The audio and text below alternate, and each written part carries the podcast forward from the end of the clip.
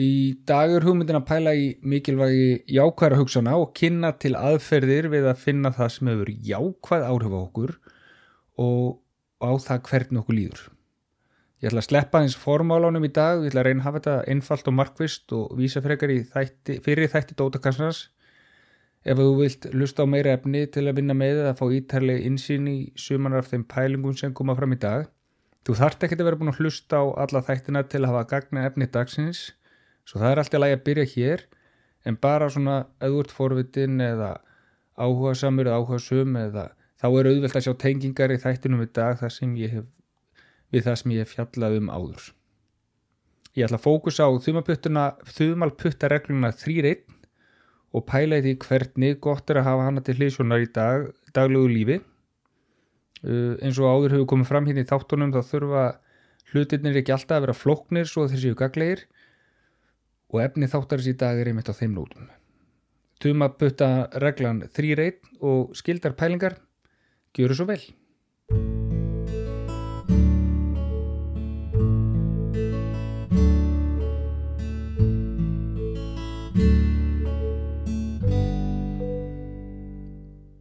Ég sendi inn grein, skrifaði grein í vikunni sem byrtist á vísi.is þar sem ég fjallaði um nokkur atriði sem framhalskóla nefnar gætu haft í huga til að hafa jákvæð og uppbyggileg áhrif á sig sjálfa. Eitt af þeim atriðum sem ég fjallaði um í greinni eh,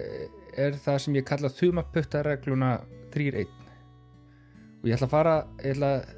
helga þættinum í dag henni og, og ná, fara aðeins svona dýbra í hann en ég en mér gafst tækifæri til í, í greininni. En þessi þumalputtaregla þýreik gengur í stuttumáli út á það að í sálfræðaransóknum á tilfinningarlífi fólks þá hefur alveg komið fram að neikvæðar tilfinningar eru gerðnan sterkari og hafa stundum áhrif í lengri tíma en jákvæðar tilfinningar. Það er, það er einhvern veginn taka meira pláss það er draga úr okkur kraft og setja okkur í vörn og slíkt og skapa ákveðna óvissu. Svo einhver dæmi séu tekin og, og það gera það með öðrum hætti en jákvæðar tilfinningar sem auðvitað draga ofta ekki úr okkur kraft eða sitja okkur ekki vörn heldur svona opna okkur svolítið upp og gera okkur móttækileg og, og uh, svona hafa uppbyggilegri áhrif á okkur. En vegna þess hversu jákvæðar og neikvæðar tilfinningar er ólíka og hafa ólíka áhrif á okkur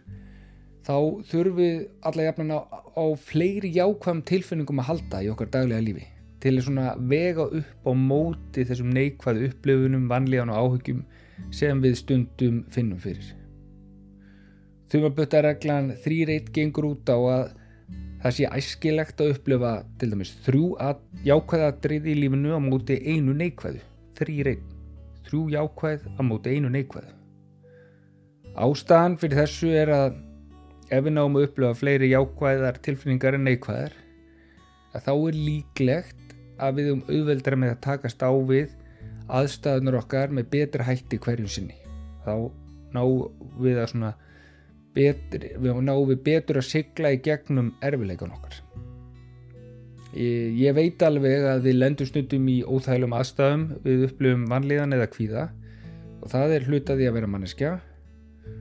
En á slíkum stundum þá er líka mjög mikilvægt að reyna að ná að sjá framhjá og í gegnum mótlætið og að taka eftir því sem gengur vel minn okkur á jákvæða eiginleika hjá okkur sjálfum og í aðstafunum sem við, við erum að upplifa. E, þegar okkur líður illa þá upplifir fólk oft vannmátt eða orkuleysi og þess vegna er alveg brjálæslega mikilvægt að hugsa sérstaklega vel að því uppbyggilega og því jákvæða sem er í kringum okkur sem við kannski erum ekki að veita nógu mikla aðtegli. Uh, það er mikilvægt að hafa í huga að ég er ekki að gera neitt lítið úr neikvæð tilfinningum, óþægendum, vanlíðan eða krefindi aðstöðum sem að getur verið að finna sér stundum í. Ég er bara alls ekki að gera það. Ég er ekki að reyna að gefa það í skín að sé, uh, þetta sé eitthvað eitthva lítið eða léttvægt. Það eru margar ástæði fyrir því að okkur líðir ekki nægilega vel. Við höfum til dæmis ekki stjórn og öllum hlutunum í kringum okkur. Stundum virkar lífið ósangjart og óþægilega erfitt og ég skil það mjög vel og ég ætla ekki að halda því fram að það séu alltaf einhverjar innfaldar og auðveldar leiðir og eitthvað tryggs sem hægt er bara kippa niður úr kritillunni og ná að vinna sér út úr aðstæðum eða slíkum tilfinningum ég er ekki að tala fyrir töfralösnum en ég er á þeirri skoðun að það sé mjög mikilvægt að hvert og eitt okkar að við gerum það sem við getum til þess að bregðast við erfiðum tilfinningum og ótælum aðstöðum og að við gerum það með eins uppbyggjulum hættu og við getum. Það eru sumul hluti sem ég get ekki haft stjórn á, það eru sumul hluti sem ég get haft áhrif á og það eru sumul hluti sem ég get einfallega breytt mjög mikið í mínu lífi. Ég get forðast að gera sumul hluti, ég get breytt nálgun minni í tengslu við aðra og ég get líka tilnanga með nýja nálgun eða nálganir eða dreyji til mín uppbyggil áhrif í, úr umhverfinu mínu. Það, ég er alveg samfærður um það og ég tel að það sé svolítið mikilvægt að hvert og eitt okkar tilengi sér það hugafara. Það er á mína persónlega ábyrð að gera það sem ég get gert til að ná betri tökum á lífinu mínu, aðstæðum mínum og því hvernig mér líður. Sækja mér aðstóð, sækja mér verkværi, sækja mér, sækjast í leiðir eða lífstíl sem hefur góð áhrif á mig gera hvað ég get til þess að hreyfa við því ástandi sem ég er í á hverjum, hverjum tíma og það er oft betra til einhvers að við þorfa ég sjálfur að ég sjálf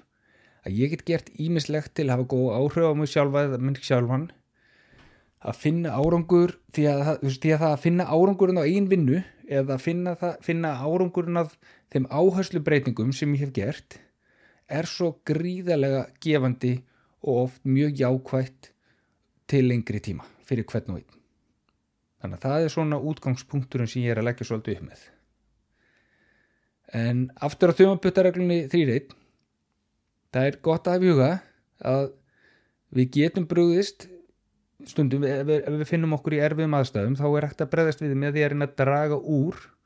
einhverju umfangi neikværa áhrif á okkar lífið okkar. Ef það er eitthvað sem er að þrýsta á mig að valda mér óþægindum þá mögulega get ég gert einhverjar ástafan reynd að draga úr þeim áhrifum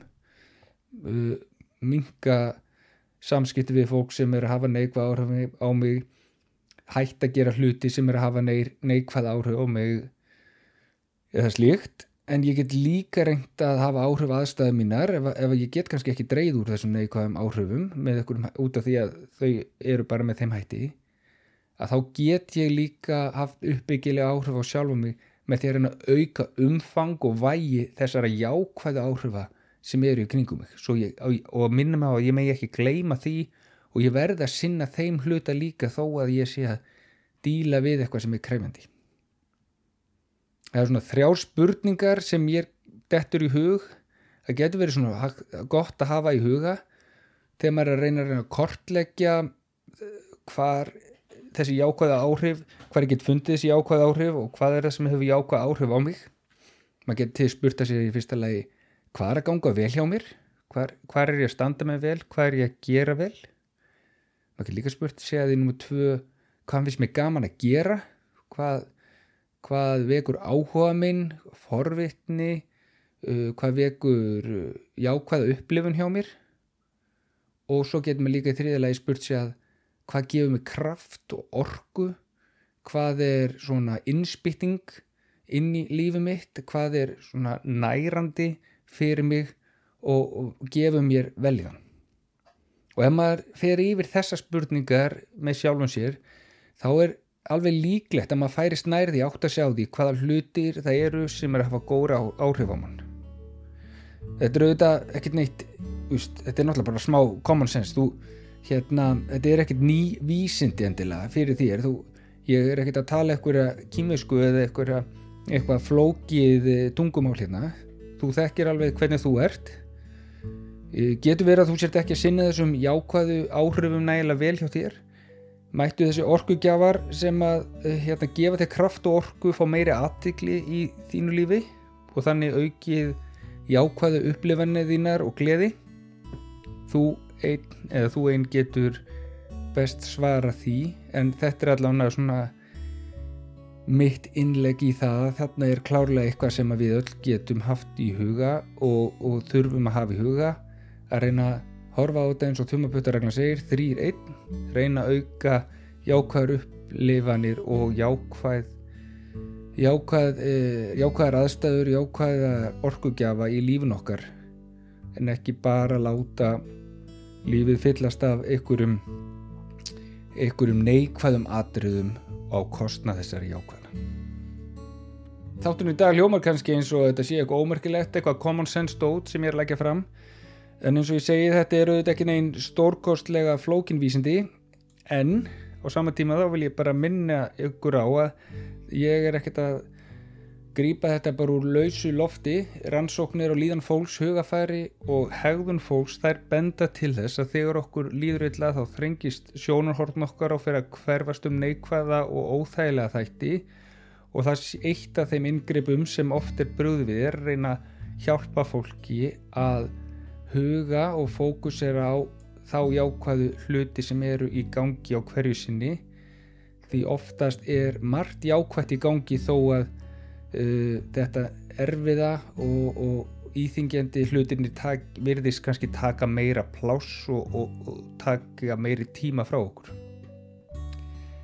Það er mikilvægt að hugsa sérstaklega þeim jákvæði áhrifum sem eru kringum okkur, auka vægi þeirra, sinna jákvæðum þáttum sérstaklega